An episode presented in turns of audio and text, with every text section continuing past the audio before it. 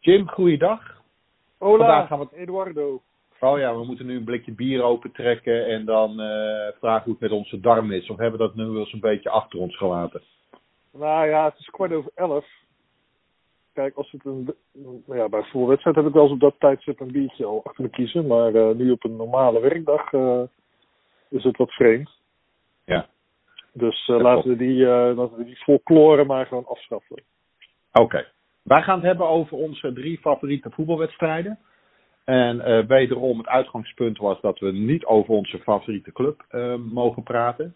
Eh, ik zal onze voorkeur nog even voor ons houden. want We kregen via Nick van Ruiven daar kritiek op op Twitter. En ja, onze Nick, trouwe wij, wij lezen, zien en horen alles. Je bent gewaarschuwd, mannetje.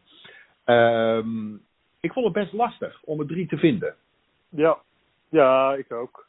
Ja, ja, goed, we hebben het al eens eerder over gehad. Kijk, ik moet iets eh, persoonlijk met zo'n wedstrijd hebben, zeg maar, om, om mee te gaan in die emotie. Dat, hè, dat, dat zo'n wedstrijd echt bij me blijft. Ja, dat heb je als je, eh, ja, als supporter bent van een bepaalde club. Ja, dan heb je dat gevoel alleen voor die club eh, heel sterk. Ja, je zou het nog kunnen hebben voor het Nederlands elftal, maar daar heb ik het gewoon wat minder mee. Wel vroeger als kind, daar zullen we zo meteen wel even op ingaan bij de drie wedstrijden, want er zitten twee bij het Nederlands elftal. Maar ehm, ja, eh, dat gevoel kan ik toch lastig oproepen voor een wedstrijd eh, die ik.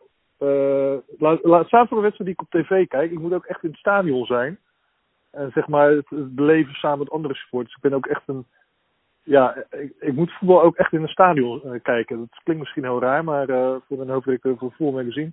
Maar ik kijk niet zoveel voetbal op tv. Ik vind het veel leuker om, om het te beleven. En tussen die supporters en eh, ja, het stadion te zien. Het gras te ruiken, om maar een cliché te gebruiken. En eh, ja, voor de tv kan ik maar moeilijk meegaan in die, eh, in die emotie van zo'n wedstrijd, zeg maar. Ja, zelden. Of er moet echt een bijzonder verhaal achter zitten. En ja, het is ook gewoon wat, wat, wat in de loop der jaren, ja, als je al 30 jaar, meer dan 30 jaar het voetbal volgt, dan heb je dat natuurlijk veel minder sterk dan, dan, dan in het begin. Ja. Wedstrijden van toen, ik, eh, van toen ik jong was staan er veel beter bij dan wedstrijden van pakweg, eh nou, ik kan niet zeggen drie weken geleden, want toen was ik heb al niet meer gevoetbald, maar van pakweg eh, twee maanden geleden daar weet ik veel minder van dan eh, ja, van wedstrijden toen ik een jaar of negen of eh, tien, jaar, tien jaar was. Ja, daar komen we de tijd. Ja, er was ook veel minder voetbal op tv natuurlijk, maar Daarom, oh, dat is een ander verhaal weer. Ja, daar komen we straks op, op onze wedstrijden. Eerst even een paar eh, administratieve zaken afhandelen. Ja, Ehm, jij hebt op Twitter een polletje gehouden van wat is het mooiste shirt. Eh, het Gouden Gids shirt, het uitshirt van Feyenoord uit het kampioensjaar eh 83-84. Of het Ajax TDK shirt volgens mij van het jaar daarvoor. Nou, en ik schreef al eerder op Twitter Feyenoorders en polletjes. Dan weet je de uitkomst al. En Jim deelde maar met ons. Hoe is die, wie heeft hem gewonnen? nou ja, Team Jim heeft hem gewonnen. Dus eh was, wel was wel een aanleiding van onze, eh, van onze podcast, hè, moeten we er even bij zeggen. ja, ja, ja. ja. Maar ehm, ja, eh, ik kan toch wel zeggen, eh, met 63% van de stemmen. Waren er ook maar 27 mensen die gestemd hebben. Maar eh, ja, toch wel een eh, overweldigende meerderheid. Dus daar heb ik eh, toch de hele avond plezier van gehad. Maar ja, kijk wat ik al zei, hè, het is natuurlijk niet helemaal een goede vergelijking. Want je zou eigenlijk beide thuisshirts moeten nemen. Dus van Gouden Gids of van eh, Ajax TDK. ja. Maar ja, goed. eh, ja, kijk, en ik heb natuurlijk waarschijnlijk heb ik een eh, gedeelte van mijn Twitter-volgers die zal ook een voorkeur hebben voor Feyenoord. Dus, dus die uitslag verbaast me niet helemaal. Maar Nee. 70 stemmen is natuurlijk ook niks. Maar goed. Maar In ja, ieder ik, geval- moet, ik moet zeggen dat eh, ik kom trouwens van de week ook nog echt een mooi Ajax tegen die weinig wordt genoemd. Dus de mooi, ik kan er echt wel, hè, ik kan er echt wel objectief naar, naar kijken als Feyenoord supporter. Maar ik zag een, eh, een hele mooie blauwe van eind jaren 80, begin jaren 90, ik denk 1990. Een blauw met dat oude logo en ook eh, TDK, ja, dat was volgens mij nog TDK. En met uh, Patterson. Patterson. Oh, die, ja, eh, ja, ja, ja. En eh, die zie je niet zo. Die, die wordt niet zo vaak genoemd. Die wel van Nee. vaak, eh, ja goed, natuurlijk in diezelfde periode zoals het TDK-shirt thuis had je dan dat blauwe uit, hè. En ja, is eigenlijk Ja, dat is, op- ik denk dat het, dat is een beetje de Ron Willems periode. En, Ja. eh, niet zo'n periode waarvan je denkt dat was allemaal glorie en, en, en we wonnen toen heel veel. Echt zo'n beetje een van die verloren jaren. Net voordat het weer, nou ja, zo'n tussenliggende periode, laat ik het zo zeggen. Oké, Ja, maar toen hadden ze volgens mij een witte, het TDK. Kan ik me ook nog herinneren.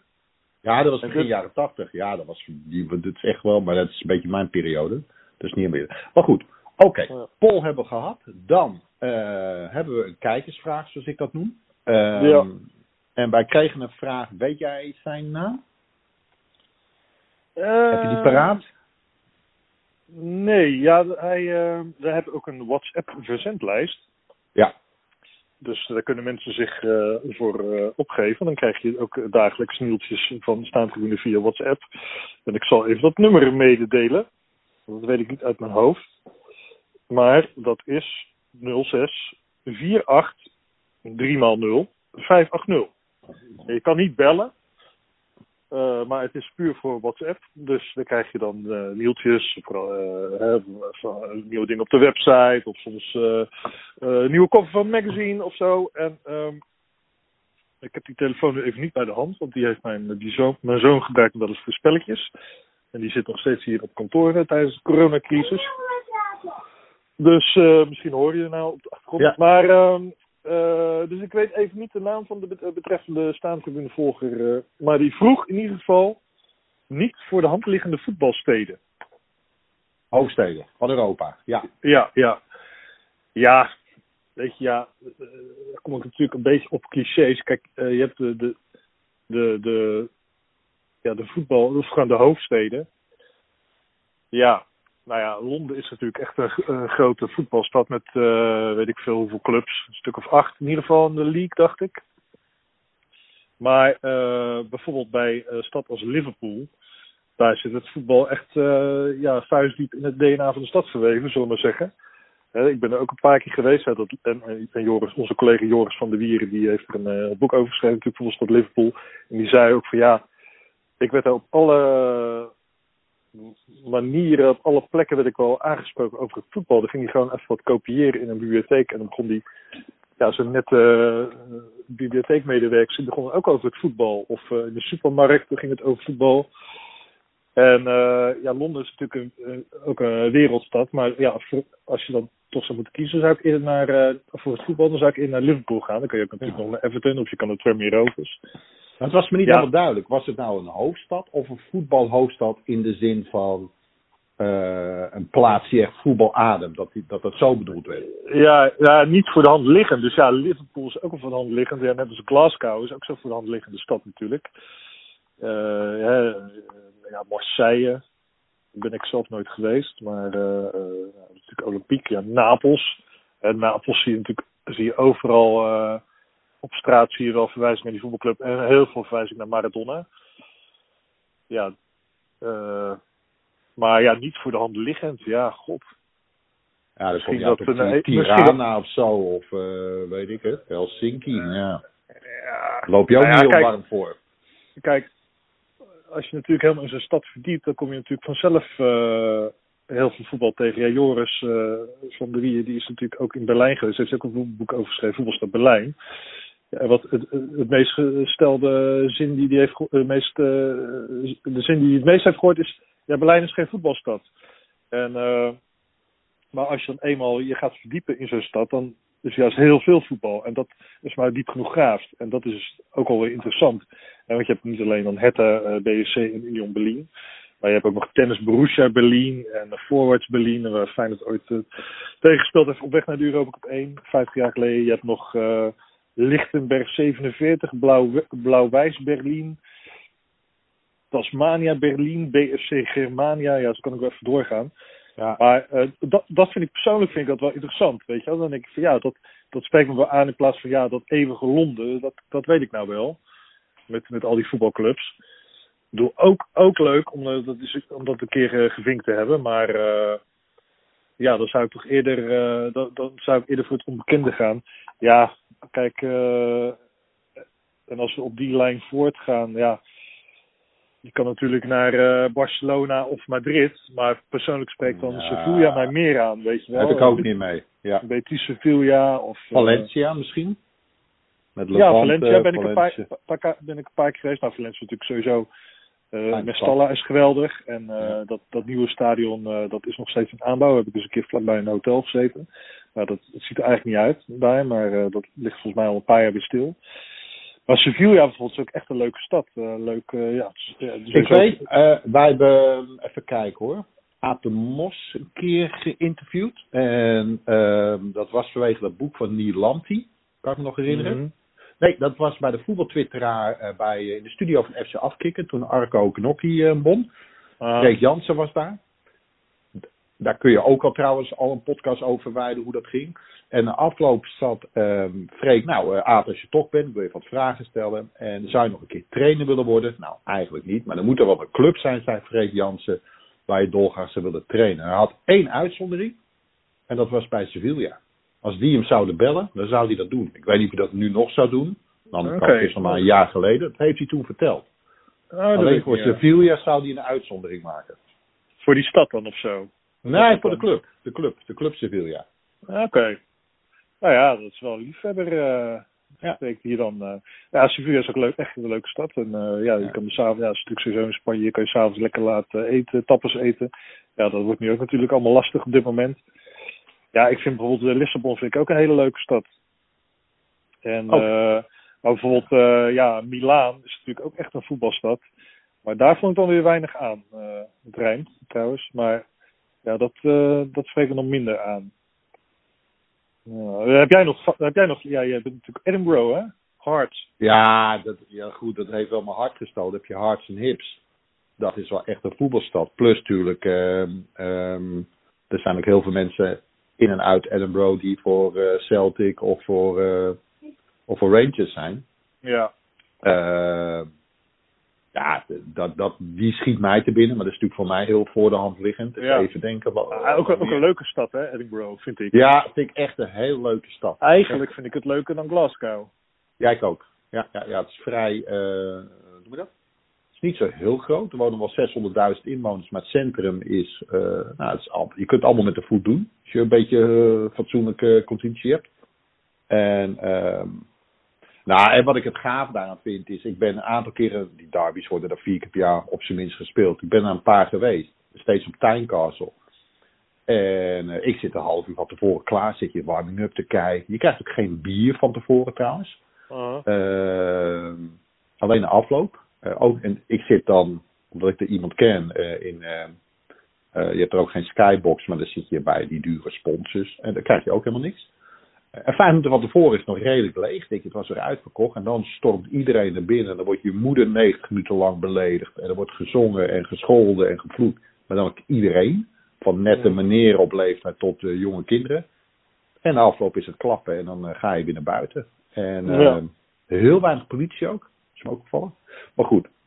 Ehm, Oké. Ik, ik heb er nog eentje trouwens. Ja, vertel. binnen. Eh, als je het hebt over niet voor de hand liggende steden. Eh, of dus, ja, het is natuurlijk een wereldstad. Istanbul. Istanbul. Dat, ja, daar Ja, heb je, eh, je hebt natuurlijk drie grote clubs daar. Hè? Galatasaray, Besiktas en Fenerbahce. Maar het is, ook, ja, het is ook echt een wereldstad. En ik ben bij Fenerbahce geweest. En bij Besiktas. Dus Besiktas speelde toen het Olympisch Stadion. Dat was echt kilometers buiten het centrum. Maar die, eh, ja, die stad, dat vind ik, vond ik wel... eh, ja, daar moet je eigenlijk ook gewoon eh, langer heen gaan. Ja, nu zit dat er natuurlijk ook niet in. Maar als het weer kan, dan, dan zou je, zou toch Istanbul aanraden. Is echt een wereldstad. Ook super druk. De eerste keer dat ik daar was, was het hartstikke warm. Echt boven de 30 graden. En ik kwam daar bij dat uh. Man, man, man, wat een chaos allemaal.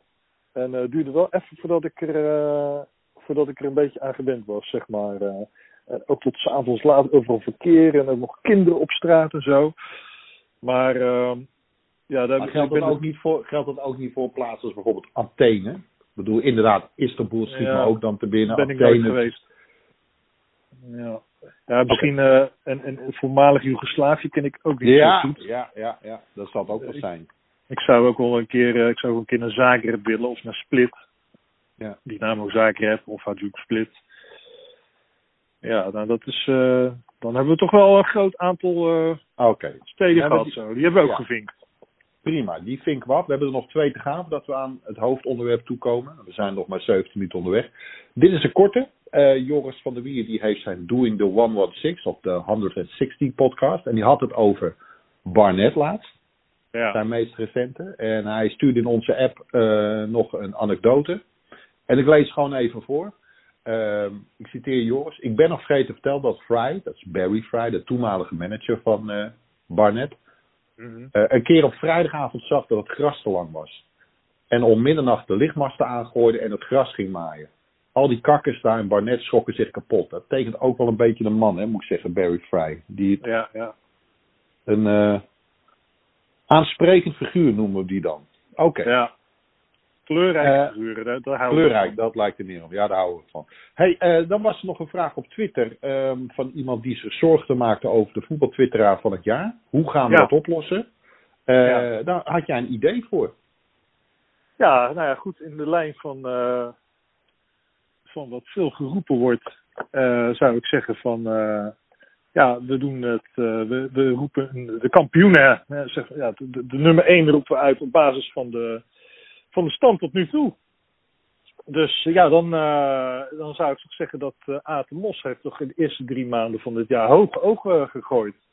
Dus je zou het weer eh, worden. Nee, nee toch?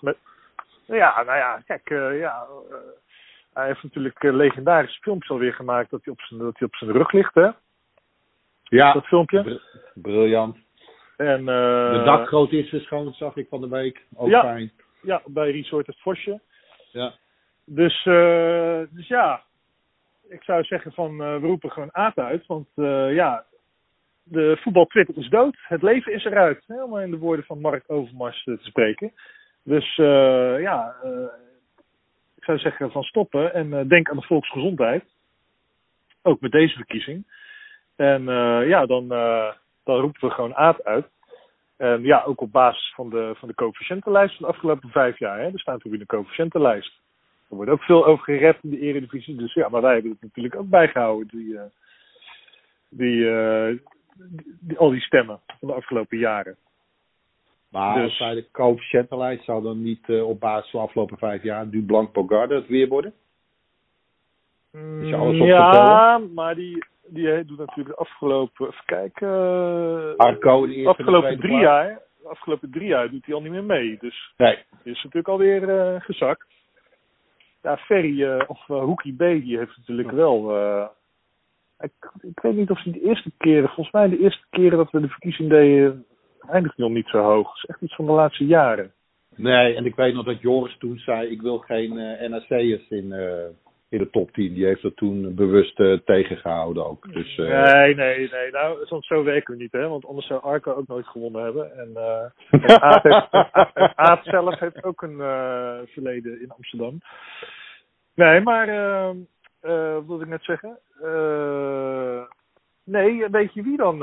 Als we toch even coëfficiëntenlijst, die altijd hoog is geëindigd volgens mij. FR Gerardo. Hey. Uit Oud-Beierland. Ik wist het gewoon. Het kon dus, ook niet anders dan dat er iets met een Feyenoord moest. Ik denk dat als wij die coëfficiëntenlijst erbij gaan pakken, dat hij misschien wel eens, uh, ja, die ja. is toch volgens mij vrij vaak in de top 10 geëindigd. Dat is een uh, constante dus, middenvelder, zou ik, uh, als ik hem als speler zou moeten omzetten. Ja, ja, ja. wel ja, altijd hoog eindigen, maar dan net, net niet. Hè? Toch echt typisch Feyenoord, net niet. Hij heeft natuurlijk nog, no ja. nog nooit een Feyenoord de groep natuurlijk. Hè? Aad, de Blank Bogarde twee keer. Arco, Kees Kwakman en, uh, en Luceli. Ja. Ja. Maar ja, dus, uh, nou goed. Uh, ik weet niet hoe, uh, hoe de luisteraar erover denkt. Maar ja, de meeste luisteraars die zullen misschien niet op Twitter zitten. Dus misschien, het is echt een Twitter-fenomeen natuurlijk, hè, de voetbaltwitteraar van het jaar. Ja. Maar goed, dit onderwerp hebben we ook gevinkt nu. Oké. Okay. Jim, we hadden afgesproken om uh, een top 3 in willekeurige volgorde voetbalwedstrijden uh, te bedenken. Meest favoriete of iets, ja nou goed, geef het een naam. Um, het mocht niet van onze club zijn. Uh, we zeiden al eerder, het was best een gepuzzel. Eh, nou ja, we, kunnen een hele lange inleiding houden, maar zullen we maar gewoon beginnen? Begin jij en dan wisselen dan doen we het alternerend, zoals het mooi heet, afwisselend. Ja. Wat, wat is, wat is eh, nou ja, de, de, de eerste keuze? Nou, de eerste keuze is een, eh, eigenlijk een beetje een traumatische ervaring. Echt zo. Maar eh, dat is eh, Nederland-België in 1985, november 85. Volgens mij uit mijn hoofd was het 20 november. Het was een steenkoude avond, want de spelers liepen in uh, majo's. En dat is ook tevens een van de allereerste voetbalwedstrijden die ik live heb gezien, op tv althans. En uh, je had natuurlijk, want ik was in 1985, was ik, toen ben ik negen geworden. En ja, waarschijnlijk, ja, die, ik, ik kan me niet meer echt die wedstrijd herinneren, maar waarschijnlijk, ja, ik heb natuurlijk wel die beelden gezien van het Heizeldrama in hetzelfde jaar. En uh, dus dat zou misschien wel eens mijn allereerste wedstrijd kunnen zijn. Maar echt de eerste wedstrijd waarvan ik het nu nog weet dat ik die heb gezien was dan Nederland-België, België-Nederland. Barragewedstrijden. En uh, dat, die eerste wedstrijd werd gespeeld in oktober. En toen zaten we met mijn ouders en mijn broer in een huisje in Onne, of all places. En ehm, ik weet nog dat we er echt met z'n vieren naar zaten te kijken. En toen kreeg natuurlijk onze grote vriend Wim Kieft, die kreeg heel snel een rode kaart omdat na vier minuten. En want die Frankie Verkouteren, die, die, die, die, beetje, die, die was een beetje kwallerig aan doen. En ja, volgens mij maakte hij slaande beweging. En toen ging die Verkouteren, die ging op de grond liggen, kermen van de pijn. Ja, toen moest Wim van het veld af. En ja, ongeveer een kwartier later scoorde die Verkouteren ook de 1-0. Ja, en toen kreeg natuurlijk die, daarna die legendarische wedstrijd in Rotterdam. Ik neem aan dat jij hem ook nog herinnert. Heel goed, zeker. En uh, nou ja, goed. Nederland zelf kwam, uh, kwam op 1-0 en op 2-0. Doelpunt Peter Houtman en Rob de Wit. Dat zal ik ook nooit vergeten. Peter Houtman volgens mij zijn laatste interland. Nou ja, Rob de Wit, uh, ja, misschien ook wel. Zijn laatste interland. In ieder geval, hij kreeg natuurlijk niet heel lang daarna kreeg hij die hersenbloeding. Ja, en in de 85 minuut was uh, George Grun, hè, die het Nederlands elftal een, trauma bezorgde, waardoor we niet naar, naar het WK van Mexico gingen.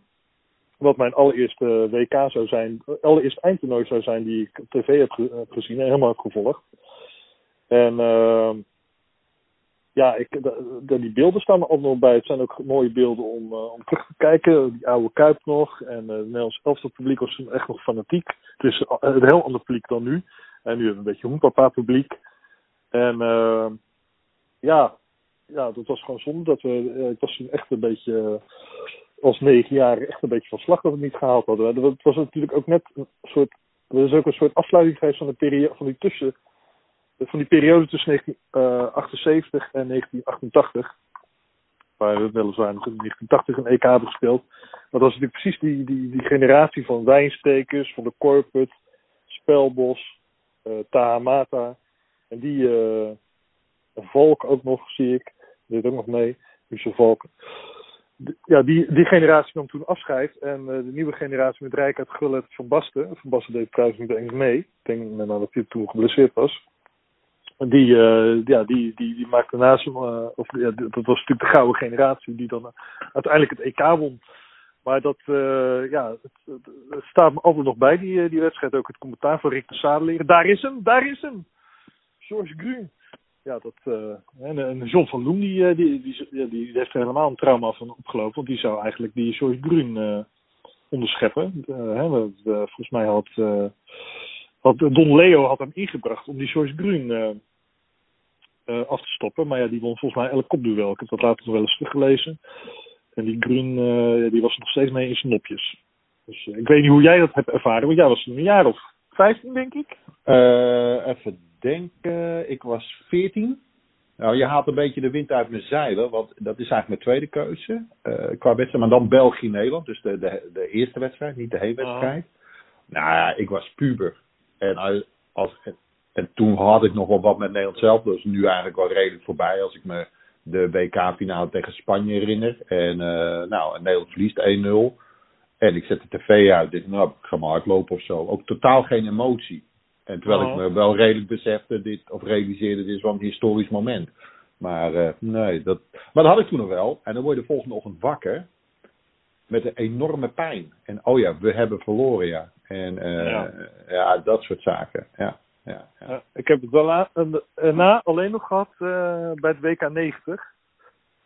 Die wedstrijd tegen Duitsland, dat we uitgeschakeld werden. En eh, het was ook inmiddels 14. Dus het was is de enige keer dat ik echt nog eh, ja, verdrietig was, zullen maar zeggen, over het Nederlands elftal. Dat ik in bijvoorbeeld in 98 vond ik het ook wel jammer hoor, dat we niet de finale haal- haalden. Maar, en in 2000 natuurlijk ook. Dat ik nou twee te kaarten voor die eh, finale in Rotterdam. Maar maar ja, die pijn zeg maar, die ik voelde toen in 85 en in eh, 1990 heb ik daarna niet, niet meer in die mate gehad bij het Nederlands elftal. Nou, bij net hetzelfde, inderdaad. Ja. Bij het clubvoetbal heb je dat nog wel steeds? Ik heb het nog wel hoor. Ik Ja. denk het wordt wat minder, maar sommige dingen die.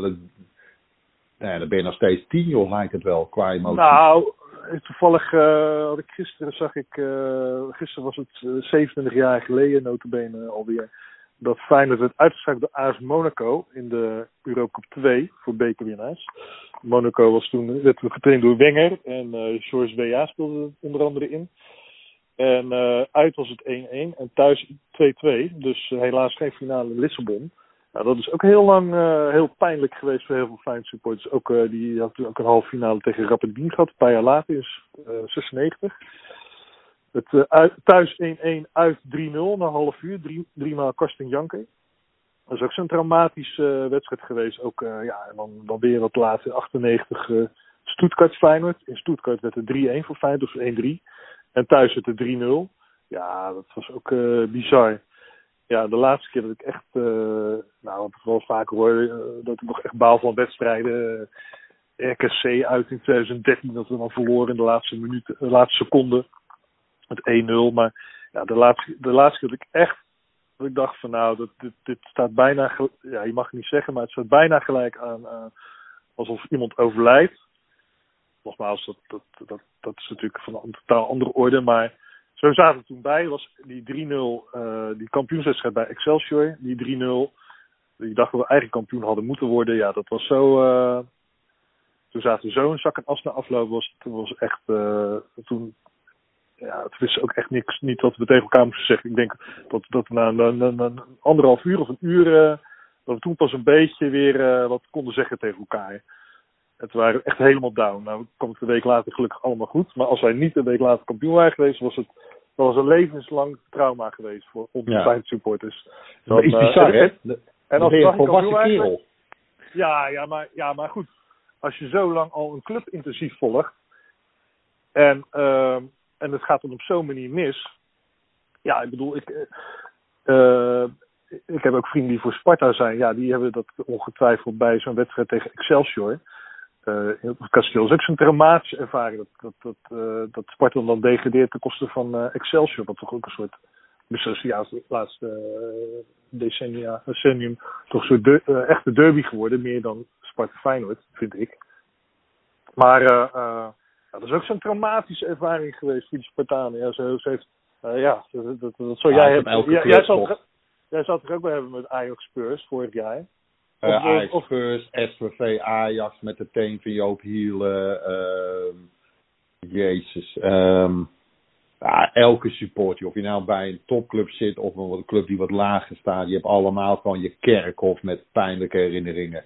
Ja. En ehm, daar is de ene supporter niet beter in dan de andere. Of ik geloof ook niet in meer leed of, of Nee. leed. Ik bedoel, leed is leed. En ehm, ehm, ja.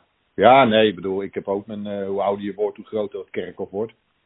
Ja, maar Ja, ik, heb het nog, ik heb het nog wel steeds. Ik heb het niet, ik, laat ik, zeggen, ik heb niet zo elke nederlaag. Ik bedoel, eh, maar echt ja, zo'n zo, zo'n eh, zo, zo'n Excelsior of ja, bijvoorbeeld toen, toen zo'n RKC dat fijn best wel een aardige serie had volgens mij. En eventueel misschien mee kon doen om het kampioenschap. En dan verlies je uit bij RKC. En volgens, die zijn volgens mij toen ook gedegradeerd dat seizoen. Ja, dat zijn van die dingen die, eh, die blijven me dan wel bij. Maar voor een reguliere nederlaag, daar, daar raak ik niet meer zo van slag. Nee, dat is gewoon, ja, dat, dat, dat calculeer je bijna niet. Oké. Jij dus eh, Nederland-België. Ik zal het eh, even kort houden. Ik eh, België-Nederland, de eerste wedstrijd. 16 oktober 1985 in Brussel. Eh, Ik was 14. Eh, ik had waarschijnlijk net getraind, mijn haartjes. Toen had ik dus nog netjes gekamd na douchen. En ik zat klaar voor de televisie. Nou, hoef het verhaal niet te vertellen, je hebt het al gedaan. Eh, Wim Kief duwt volgens mij Frenkie Verkout, die laat zich theatraal vallen. En dat was, ik voelde haat. Ik voelde Ja. echt voor de eerste keer haat naar een speler. Is ook nooit meer overgaan. Het is niet zo, hij is nu trainer bij Anderlecht, dat ik hem, ehm, dat ik hem haat. Dat niet. Maar mijn eerste gedachte bij Frankie Verkout is, oh ja, was die vieze, vuile smeerlap van 1985. Is nooit meer, al, het komt ook nooit meer goed. En misschien Ja. is het een hele sympathieke vent. Ik weet het niet. Ik wil het eigenlijk ook niet weten. Maar dat was voor het eerst. Ik, ik was niet eens zozeer boos op Wim Kieft. Ik Ja. had het wel sympathiek gevonden. Eigenlijk nog steeds. Tenminste, ik ben nu een beetje af. Maar. ehm, ah, maar, maar, maar gewoon echt pure haat voelen naar, naar een tegenstander. Oh, ja. Ja. Heb ik met zelf trouwens daarna nooit meer gehad hoor. Dat was ook echt de, de enige.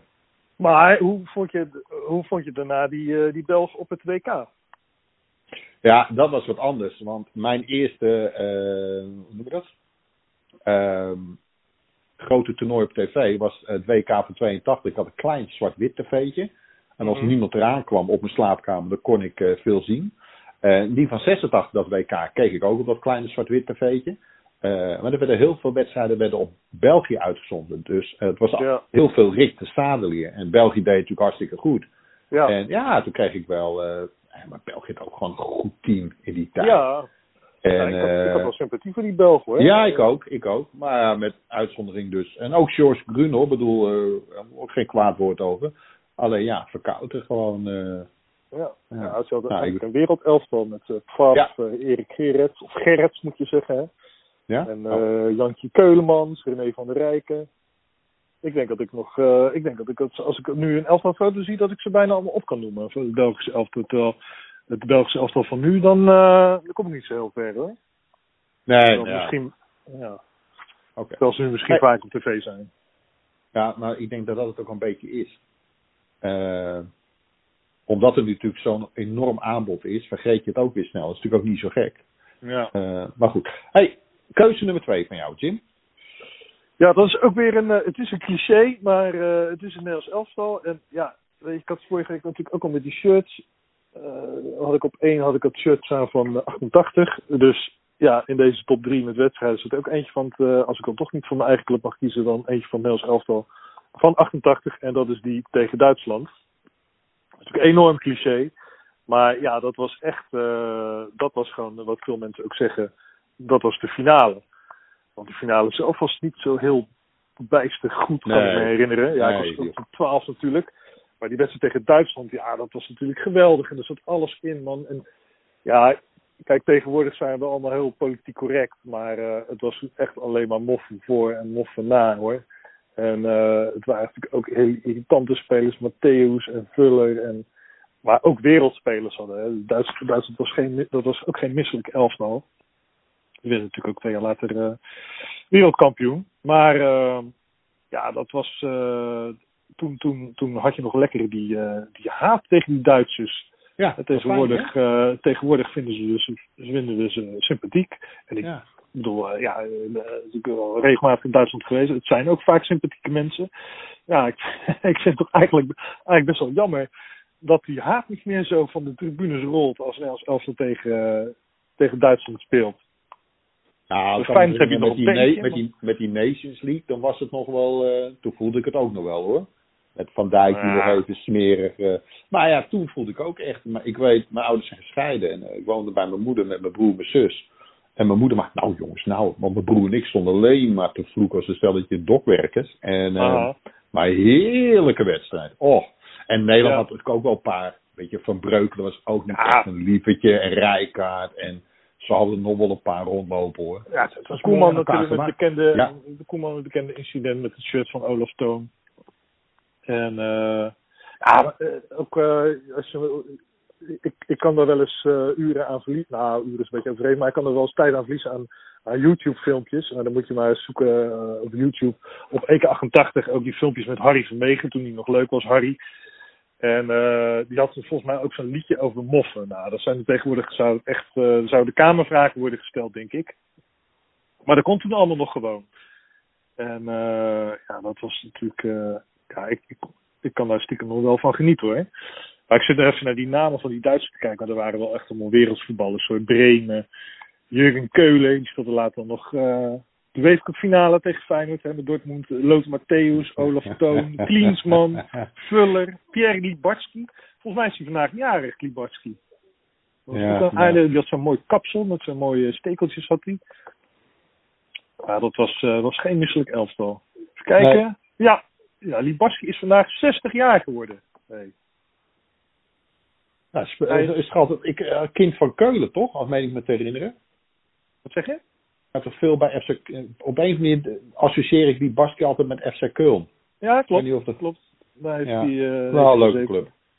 Ja, even kijken. Nou, hij heeft daar uh, eerst acht, uh, acht jaar gezeten. Toen is hij naar Racing Paris gegaan. Eén seizoentje. En hij heeft daarna nog bij Jeff United gezeten. Hij heeft ook nog onze vriend Peter Bos gespeeld, dacht ik. En ik dacht ook Arnold Scholten. Maar goed, en ik denk bij, uh, bij Racing Paris, denk met Sonny Giloy nog even, als ik het wel heb. Matra Racing Paris, ja, geloof ik. Ja. ja. Nou, goed, ja. maakt niet uit. Oké. Okay. En die Siloy die viel natuurlijk net af voor het EK. Uh, wat heeft iets met zijn oogkas, dacht ik? Nee, die had een, een, een duelbesje aangegaan. En toen heeft hij een tand in, uh, op het oogkas, maar in zijn voorhoofd gehad. En hij had er een enorme buil en hoofdpijn. En uh, opeens werd Siloy ook een hele goede verdediger. Dat krijg je als iemand er niet is. Dan wordt hij uh, groter gemaakt. Toen bleek dat er nog een tand onder zijn huid zat. Die is toen later verwijderd. Ah, een heel, okay. een, vrij gezellig verhaal voor onze medische rubriek. Ja, ja. Is wel ja. leuk. Weet je, van die spelers die dan net afvallen voor een uh, eindtoernooi. Ja. Weet je, ik kan, me ook nog een keer Edward Sturing herinneren. Die viel net af voor het uh, WK 1990. Ja, Volgens mij samen met Bosman. Ik heb, ja, daar heb ik niet echt uh, huilende nachten aan gespendeerd. kan ik je verklappen. Met zijn koep helikopterdek. Nee hoor. Oké. Okay. Goed, dat was jouw tweede keus. Ik, um, ik heb het maar een beetje in emoties gezocht. Dus de eerste was haat. En uh, het klinkt een beetje alsof ik een mooi thema eraan heb gehangen. En um, uh, mijn tweede keuze is, um, ik weet niet of jij dat al hebt meegemaakt Jim, want jij hebt een zoon en een dochter. Jij gaat wel eens voetballen met je zoon. Ik mm. neem aan dat je nog beter bent dan je zoon qua voetbal. Zeker. Oké. Okay. Oh, dat kwam er vrij overstijgend uit. Ah, die hele, uh, alle skills heeft hij van zijn vader, hè? van zijn oude okay. heer. Maar er komt natuurlijk een moment dat je. Dat... Oh, ik, ik, ik stoor hem te kijken van zijn filmpje. Maar ik ben even een podcast weer aan het opnemen, jongen. Voor die honderden luisteraars van de Staantribune. Maar ga verder, Edwin. En uh, nou, ik heb natuurlijk ook dat moment beleefd dat uh, mijn ouders waren getrouwd. Dat ik op een gegeven moment beter was in voetballen dan mijn vader. Mm. En uh, ik woonde in Castricum. En later bleek dat ik naast Nico Scheepmaker woonde. Nooit wat van meegekregen trouwens hoor. En ehm, en we schrijven het jaar uh, november, of het jaar 79, november, DDR Nederland. En ik had, uh, um, ik speelde bij het altijd lastige Vitesse 22 uit Castricum. En um, dat was een van de eerste wedstrijden die ik op televisie heb gezien. Ik was daarvoor al een keer naar AZ Twente geweest met mijn vader, 2-0. En in de oude hout. Uh, en wij gingen voor voetballen, die wedstrijd. Die was werd vroeg gespeeld, want ik kan me herinneren dat wij tussentijds in de rust gingen wij aan tafel om te eten. Uh -huh. En ik zie hier dat hij om vijf uur s middags begon, dus dat klopt wel zo'n beetje. Van die rare tijden, Leon. Woensdagmiddag vijf uur. En uh, mijn vader was wat eerder thuis van zijn werk en wij gingen voor voetballen. En dat was het moment dat ik hem door de benen speelde.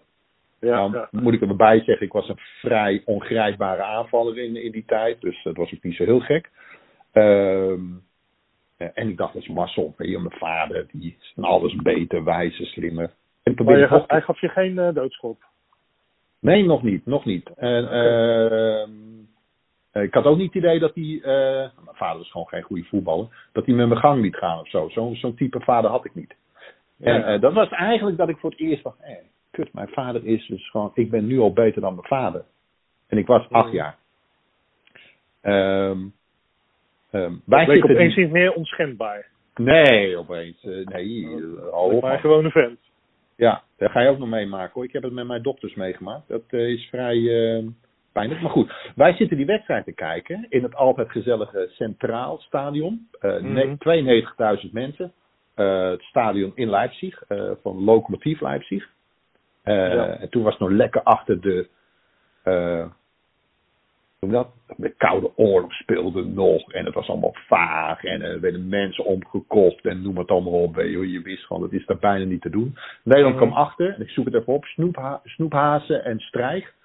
En kort voor rust krijgt Tjödaling, Channeling staat hier, die krijgt Ja. rood. Samen met Konrad Wijzen. En, um, lang, en ik weet nog, dacht, nou, verloren. Frans Thijssen, die uh, scoort nog 2-1. Speelde volgens mij toen bij AZ. En, nee, nee, eh, wij Ipswich. gaan- Ipswich. Oh ja, Ja. Frans Thijssen Ipswich, ja. ja. Ik zit steeds aan Jos Jonker te denken. Klopt. En ehm, wij gaan aan tafel en ik hoor mijn vader nog de illustere woorden zeggen. Dit komt nooit meer goed, jongen. En ik had dus net mijn vader een paar keer gepoord. En Ja, eh, ja. nou, na, na rust zat ik kort houden. Kees Tol en René van der Kerkhoff zorgen dat Nederland wint met eh 2-3. En eh eh Kees Kist. Kees Ik heb hier ook st- statistieken voor me. Kees Kist en René Ja. van der Kerkhoff inderdaad. Ja, kom ik nou weer bij Tol. Maar goed, het zal wel Pier-Tol zijn in die tijd. Afijn, ik dwaal af. En dat was dus twee momenten op een dag dat mijn vader gewoon echt door de mand viel. Ja, ja. En eh, nou, logisch dat mijn ouders een half jaar later gingen scheiden. Ik bedoel, dat, dat, dat hoort er dan wel een beetje bij, vind ik. Ja. En dat was ook de eerste wedstrijd waarvan ik dacht, oh ja, dus als het heel slecht gaat, kan het alsnog goed komen. En Ja. ik heb daar zo vaak aan die wedstrijd vastgehouden. En je snapt ja. dat het zo vaak niet zo is gegaan. Ah. Maar eh, dat je toch tegen beter winnen hoopt, ja. Maar toen ging het ook. En uiteindelijk is het gewoon nou ja, het leed van de supporter dat het vaker niet zo gaat dan wel zo gaat. ja, ja. Oké. ja. Een soort eik, eikpunt in je voetbal, eh, ja, voetbalhistorie. Ja. De persoonlijke voetbalhistorie. Ja, ik zit trouwens nu even, ik zit die naam van die spelers te kijken. Man, man, Schrijvers, Wijnstekers, Krol van de Ho- Hovenkamp, Stevens, Schoenaken, Thijssen, Laling van de Kerkhoff, Taamate, Kees Kist en Ernie Brands. Dat was, dat was nou echt die tussengeneratie. Alleen eh Krol en eh, van de Kerkhoff, denk ik, ja, en Brands en Schrijvers, die hebben die andere WK's meegemaakt. En de rest, echt zo Kees Kist was natuurlijk wel een hele goede speler was toen de tijd. Maar die, ja, die heeft natuurlijk. eh, ja, die ja, is nooit echt. eh, als, je, als je de top 50 Nederlandse voetballers. komt Kees Kist daar nooit in voor. En. eh ja, ook zo van, zo, zo van de Corput, hè, die wordt nog veel, heel, heel erg gewaardeerd. In Turijn, bij Torino heeft hij gespeeld. Ja, ja zeker. Maar, maar dat is ook zo, echt zo'n vergeten voetballer. En die, ik kwam van de week een tweet tegen over eh, wat Van de Korp het nu doet. En die is heftruckchauffeur, las ik op Ja. Twitter. ja, Nou, dat is een tijdje geweest nu. Hij heeft Oh, geweest. gewerkt in de haven, ja, ja. Geweldig toch? Ja, ja. ja. En eh, over, eh, over Thijs, die heb ik een keer gesproken bij de presentatie van het boek van Tom van Huls over de Ipswich. Het geheim van Ipswich. Overigens een boekentip. En was de presentatie was in het Olympisch Stadion. Toen, waar Ipswich ook die, die UEFA Cup heeft gewonnen van AZ. Ja, ja, ja. ja. En eh, dus het was wel grappig. Toen eh, stonden we op op het veld. En die Thijs en die muren. En die Thijs, ja, hartstikke aardig vent eigenlijk. Gewoon een hele normale man, weet je wel. Helemaal geen capso- capsones of zo. En die zei van, ja, als ik nu in Ipswich over straat loop, dan eh, ja, ik kan er gewoon niet over staan. Ik word tijd aangeklampt. En hij zal nu, eh, ja, wat zal die zijn, die Thijs? Ik denk ergens in de 60. En hij zei, ja, toen ik weer eh, in Nederland ging voetballen, want hij heeft nog bij Fortuna gespeeld. En bij Groningen dacht ik daarna. Vitesse natuurlijk. Ja, Hij is ja. 68. Hij zei, ja, daarna heb ik nooit meer een handtekening uit hoeven delen. Maar als ik nu, eh, hij, hij wordt hij- ik weet dat Van Huls dus ook een keer met hem meegeweest, met Thijs en, eh, en Muren naar Ipswich. Dat was, was zoveel jaar geleden dat ze die cup hadden gewonnen. En nou, ze mochten op de middencirkel en eh, staande ovatie. En eh, ja, die Thijs werd er gewoon een beetje verlegen van. Maar dat is echt een wereldster geworden in Ipswich. Ja, hier in Nederland eh, zou hij hem zo voorbij lopen. Dat, dat Ja. vond ik toch wel een mooi verhaal. Die, ja. en die had ja, een fantastisch team toen ook. Ipswich. ja, ja, ja. ja, Zo. ja. En eh Bob, Bobby Robson hè, als trainer. ja, ja, ja, ja, ja, ja. Ja. zeker. Goed, Maar goed. jouw derde. We gaan door. De derde, ja, dat is lastig hoor. Want eh, ja, kortom, je moet er wat mee hebben, zeg maar. En eh, ja, er zijn zoveel wedstrijden zijn door mijn hoofd geschoten. Eh, kijk, ik waren ook hele goede herinneringen dat aan die woensdag, woensdagmiddagen, toen ik nog op de lagere school zat. En het was Europa voetbal. Ja, het zijn ook een beetje cliché verhalen. Je dan met natte haartjes zit je op de bank met een bakje chips erbij. En dan zit je naar, ja, wat was het allemaal, eh, Groningen, Vi- Victoria Guimarães of eh, Roda Schredet Sofia. Geweldige wedstrijd. Dat eh, Oh, Roda werd Oh, uitgeschakeld met eh, penalties. En bij eh, Sofia speelde toen uh, Stoichkov.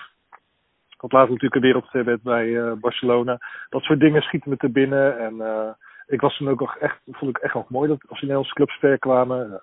Sparta in Hamburg met Bas van Noordwijk. En ja, wat had je nog meer joh. Ja, Fortuna Everton is net, eigenlijk net iets voor mijn tijd geweest. Maar bijvoorbeeld, uh, ik was echt in 88 was ik ook echt, vond ik het ook echt mooi dat PSV die Europa uh, finale won. Tegen Benfica, dat was van de week was het dan weer op tv. Maar ja, daar heb ik niet gekeken, want die, ik weet dat die wedstrijd enorm slecht was. En dus die staat ook niet in mijn top, zeker niet in mijn top 3. Dat was wel voor het eerst dat ik een Nederlandse club die er ook op zag winnen natuurlijk. En uh, wat er nou natuurlijk nog maar één keer is gebeurd. En ja, ik keek vroeger ook bijvoorbeeld ook naar die FA Cup finales. Vond ik ook geweldig als jongetje. Dat op zaterdagmiddag was het natuurlijk dan. En uh, staat me ook nog wel goed bij op het oude Wembley. En uh, ja, je hebt natuurlijk uh, van die cliché-wedstrijden als die finale van, van Liverpool in Istanbul tegen Milan. Ook een geweldige wedstrijd. Maar als ik er toch eentje moet noemen, dan is het Barcelona-Steaua Boekarest. De Europa finale.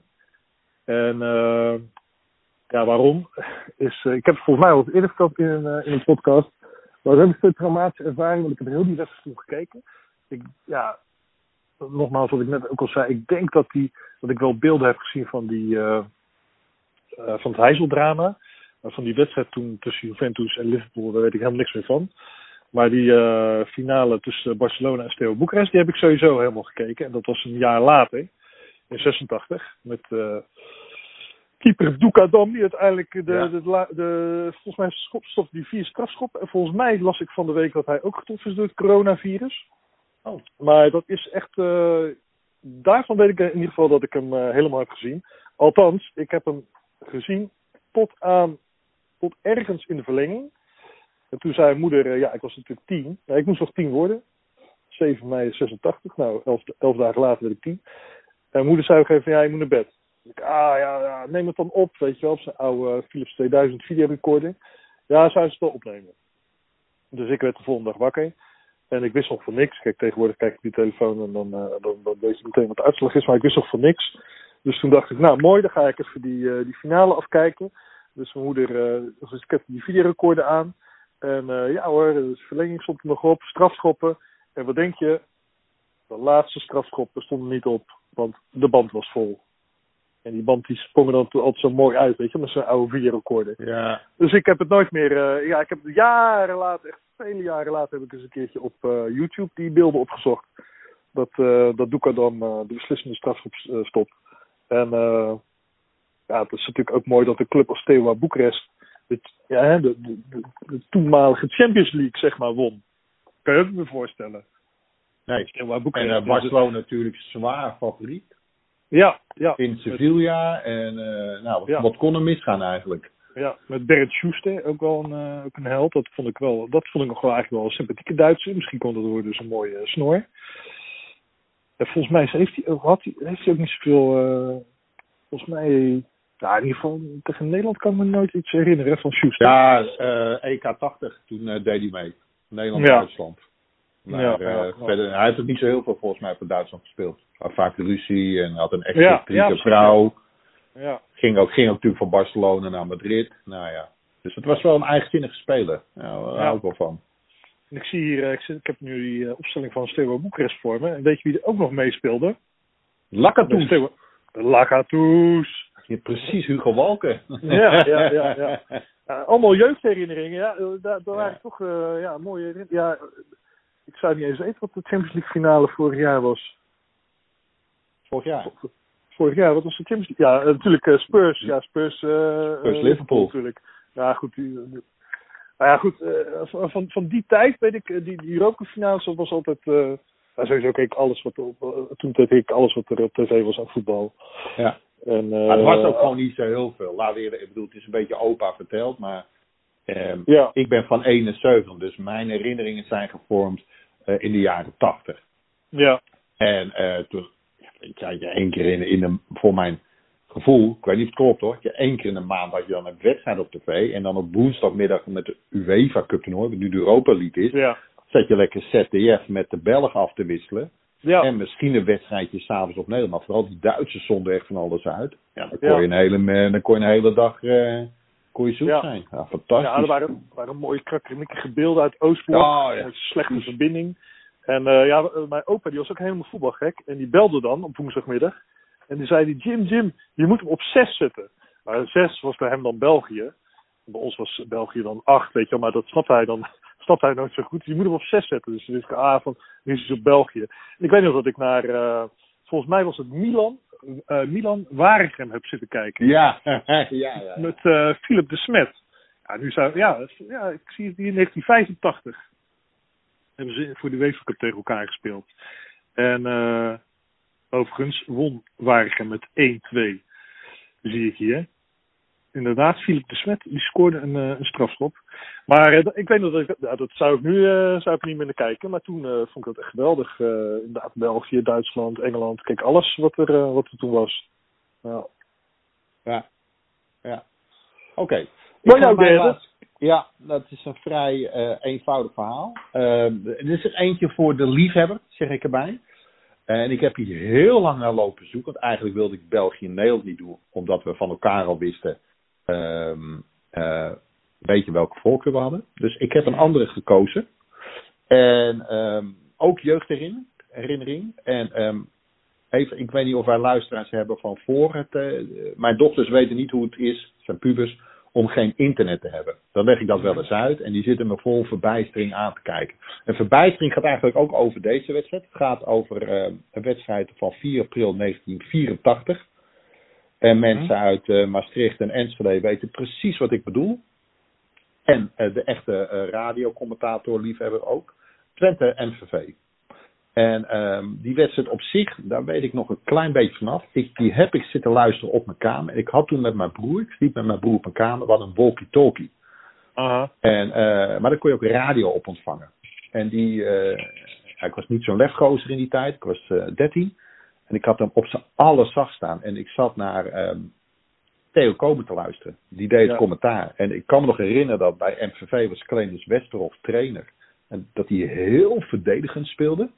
Eh, Mm. Eerste divisie, FC Twente was gedegradeerd. eh, zou trouwens wel weer promoveren. MVV was volgens mij kampioen. Eh, in mijn herinneringen. Het was in het oude Diekmanstadion. Ehm eh, en het is ook de laatste wedstrijd geweest van Theo Komen. Die is verongelukt. En om even Ja. een paar namen, eh, om het wat kleur te geven. eh, ruim 12.000 toeschouwers in het oude Diekman. Met die grote Sintelbaan, wat niet gek was. Erik van der Leur opende de score. Willy van Bommel maakte er 0-2 van. En Martin Vrijs, 9 minuten voor tijd, 1-2. Bij Twente had je snel dus Fred Rutte. Werd gewisseld door Tony McNulty. Jan Pals, Martin Koopman, Jerry Koken, Even Bleuming eh, en Manuel Sanchez Torres. Kan met Jan, ja, ja, en Jan Seurissen. Eh, om maar even wat te noemen. Ehm, maar er is nog wat anders aan het verhaal. En er zijn eigenlijk twee dingen die me bijbleven. In die tijd, als ik dan voetbal volgde, was het via langs de lijn. En stiekem op, op de radio. Dit was eigenlijk de tweede keer dat ik dat stiekem deed. De eerste keer was er eentje Ajax PSV voor de beker. In eind 83. Nee, begin 83 kan ik me herinneren. Halve finale. Eh, en ik heb deze zitten luisteren. En dan hoor je dus Theo komen. Ehm, die maakte daar een feest van. Nou, iedereen die wat ouder is, die weet hoe Theo Komen is. Het schijnt echt een draak van een wedstrijd te zijn geweest, dat ik me laten vertellen. MVV die onterecht won, maar ja, zo gaat het soms in het voetbal. Maar wat ik niet, hij is daarna naar huis gereden, vanuit Enschede naar Noord-Holland. En hij eh, is verongelukt en overleed een dag daarna. Wat ik niet wist was, dat hij meereed met Siert de Vos. Ja. Vos was een jonge verslaggever. En eh, ze hadden in, eh, eh, ergens bij een parkeerplaats hadden ze een wegrestaurant afgesproken. Komen stapten in bij de Vos. Ze zijn naar Enschede gereden. Ze reden weer terug. En ze hadden wel een, een, een borreltje op geloof ik. Geen idee. En, en daarna is Theo in zijn auto gestapt. Passaat. En nou, is verongelukt. En ik vond Theo Komen geweldig in die tijd. Ja. Eh, en je wist ook dat als hij, had ik bij Studiesport ook, ik heb jarenlang een hekel gehad aan Hugo Walker. Totdat ik hem leerde waarderen en daarna sloeg het door naar als Hugo Walker. Jan Reker heeft ooit gezegd, als Hugo Walker onze wedstrijd beslaat, dan verliezen we. Zoiets. En dat soort bijgeloof had ik dan ook. Bij Theo Komen wist je, dit komt wel goed. Wat natuurlijk ook niet zo was. En uh, ja, echt ongeloof ook. De volgende dag dat ik op het nieuws hoorde dat hij was uh, verongelukt, dat hij was overleden. En uh, ja, dat is wel een van de mensen die um, in de begintijd dat ik voetbal ging volgen, die, dat, die echt daar heel bepalend in was. Ja, ja, ja. Ja. Nou. Ja, dat, dat is echt zo'n. Uh, ja, hij is net van voor mij, ja, 84, dus het was net voordat ik eigenlijk ging volgen. Was hij dan, uh, gaf hij dan commentaar. Dus ik, heb, ik, ik, denk, ik denk niet dat ik zelf ooit wat van hem gehoord heb. Wij hadden dan, uh, de, in Rotterdam hadden wij de onlangs overleden Hans van Vliet, hè. Die Ja. maakte altijd een hele show van. En uh, dat is ook zo'n legendarische radiocommentator. Ik moet zeggen dat ik nu eigenlijk nooit meer uh, naar, radio, naar voetbal op radio luister. Want heb je ook ik- meer, eh, ik heb wel eens op, eh, ja, niet vaak, op zondagmiddag langs de lijn aan staan. Nee, ja, dan zit ik eigenlijk zelf in het stadion. Ja, 99 van de 100 keer. Dus eh, heel, heel soms als bij iemand in de auto zit of zo. En dan, eh, dan vind ik dat wel leuk. eh, Hè, zo, zo, dan, dan, ja, we zitten, kom er maar in, in, in Enschede. Dat vind ik dat wel mooi. Of, Ik heb, ja, daar, ik- daar hebben een doelpunt heb- in Amsterdam. Of Ja. dat soort dingen. Ik heb jarenlang voor lokale omroepen zo'n programma gemaakt. En dan zat ik in de studio als een soort nou, Tom van Hek, zoals je wil. Ah. Of Ronald Boot, ik, ik geef maar een naam. Om het doorgeefluik. En, ehm, en toen dacht ik, weet je wat, ik wil eigenlijk wel een keer naar langs de lijn. Kan dat? En ik Ja, ja. googelde, nu is de NOS-site helemaal afgescand. En toen vond ik gewoon het, het e-mailadres van langs de lijn. Dus ik gewoon een hele nette e-mail gestuurd. Kreeg ik Ferry de Groot van de Dik voor elkaar show. Mhm. Die was toen de tijd hoofdredacteur. Oh Edwin, wat leuk. Wanneer wil je komen? Kom maar langs. Ja. En ik een keer op een zaterdag ergens in de winter met mijn ex-vrouw bij daar naartoe. Kom ik op het Mediapark. En langs de lijn was een soort voor voetbal. Dat is de heilige graal voor voetbalcommentatoren. ja. Dat is Champions League. En ehm nou, er was toen geen voetbal. Ik weet nog wel het NK Atletiek in Gent. Of, nou moet het goed, in ieder geval in België. En daar zat eh, Andy, eh hoe heet ik weer? Eh. Kom. Ja. Eh, maar ik zat eh, in, in, in, in die, die, die radiostudio. En eh, ik vond het vrij ont, aan de ene kant ook ontgoochelend. Het, een beetje, oh, dus jullie doen het zo. Dat doen wij eigenlijk ook bij de lokale omroep. Alleen ja, jullie Ja, ja. zijn bekender en jullie hebben dan een extra telefoonlijn. En ik hoorde dus ook over Andy Houtkamp praten, die regisseur. Hij moet het kort houden. Oh, dan gaat hij weer. Godverdomme, dan gaat hij weer. Wel. Echt, dat was echt lachen. En Ronald Boots, die kwam binnen. Nou, die vind ik echt een fantastische stem. Die eh, zei hallo. Die ging in het hok zitten, stak een dikke sigaar op. En eh, die heb ik niet meer gezien. En de afloop om tien uur was hij ook direct weer vertrokken. Ja, ja. en, en, eh, ja, dat vond ik echt wel... ehm ja, dat was wel, nou niet ontluisteren, maar alsof je idool van dichtbij ziet. En oh, dat is ook maar een mens. Zoiets een beetje. Ja, ja. Ja, ik, eh, ik, kan me nog, ik ben er ook een keer geweest. Want toen eh zat ik op schooljournalis- schooljournalistiek. En toen maakten we van die uitstapjes naar langs de lijn. En ook een keer eh naar Studio Sport. En toen zijn we daar ook op een zondagmiddag een keer geweest. En wat mij zo opviel was dat ze dat echt allemaal heel ontspannen was. Ja. Nou is dat, dat programma natuurlijk al, al weet ik veel hoe lang, eh, meer dan 50 jaar. Nou, dat denk ik ja, meer dan 50 jaar eh, oud. Maar ze deden het allemaal zo op een gemakkie. Het was allemaal zo ontspannen. En eh, toen heb ik ook voor, eerst, voor het eerst iemand in de, de bezemkast zien gaan. Die ging nou even verslag doen van een, van een tenniswedstrijd ergens in, in Duitsland of zo. dat, dat, vond ik wel, dat vond ik wel tegenvallen. Van, ah, dus het is echt waar, die verhalen, weet je wel. Dus die zat er gewoon in een of andere eh, ruimte en dan zat hij die wedstrijd te kijken en te commentariëren. Dat vond ik Ja. wel een afknapper, maar goed. Het is, ja, het is vooral bijgebleven hoe ontspannen ze wel niet waren. Ja, dat is Ja. natuurlijk ook wel logisch. Ik vond, het, ik vond het wel gezellig eigenlijk toen. Ja.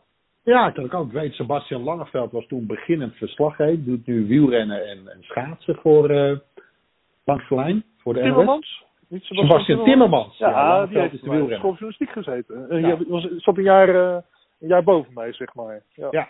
En u weet wel, toen had je de muziek samenstelde Herman van der Velde. Velden? Ja. Die zei, ja, we hebben nou een talent. En hij wees hem aan. En ik weet, ik dacht, eh, oké, hij heeft wel een fijne stem, karakteristiek. Maar en toen heb ik nog een heel gesprek met die Sebastian Timmans gehad over tafeltennissen. Ook, want hij was toen ook redacteur. Dus hij ging dan stukken typen. Die printen ze uit. En die gaven ze dan aan Ronald Boot. En die las het gewoon voor. Mhm. Ehm, die zat er met twee verslaggevers van het AD of zo. Die dan een beetje bijbeunden. Geen idee. En die was ook heel relaxed, jongens. Als jullie wat willen drinken, is dat de koelkast gewoon pakken. hè. Niet moeilijk Ja, ja. doen. En, eh, En die regisseuse was ook uh, was heel relaxed. Die zat alleen te schelden op en die houtkamp. Die trok zich ook echt nergens wat van aan. Vond ik dan ook wel weer grappig. En er werd ook gewoon lekker geroddeld en uh, het was lachen. Maar iedereen wist het precies wat hij moest doen. Dat, dat kan me ook nog herinneren, ja. Ja, ja dat is mooi. Oké. Tim. We houden het hierbij, want het is een vrij lang geworden. Uh, Ja. Binnenkort maar weer bij uh, kletsen. Uh, nogmaals, doen we nog een oproep voor luisteraars? Of zeg je nou, na die voetbalhoogsteden vraag ben ik er wel een beetje klaar mee? Nou ja, als ze een vraag maar dan wel wat, uh, wat duidelijk afbakenen die vraag. Maar uh, ja, die kan altijd gesteld worden via Facebook, Twitter. Via onze WhatsApp-verzendlijst mag het ook nog. Of natuurlijk mailen. Maar uh, ja, als iemand echt een prangende vraag heeft, misschien wel voor Joris van der Wier of uh, Bibi. hè? Bibi, daar hebben we al een tijdje niks van gehoord. Of uh, misschien wel Robert Breukers. Oké. Okay. Tim, we spreken elkaar en Ja. maken er een mooie dag van. Jo, zelfde. Jo, Doei. hoi, hoi. Dank voor het luisteren naar deze podcast. Als je meer van dit soort verhalen wilt horen, abonneer je dan op onze podcast. Voor meer informatie over onze abonnementen, boeken, merchandising en prachtige verhalen, verwijs ik je door naar staantribune.nl.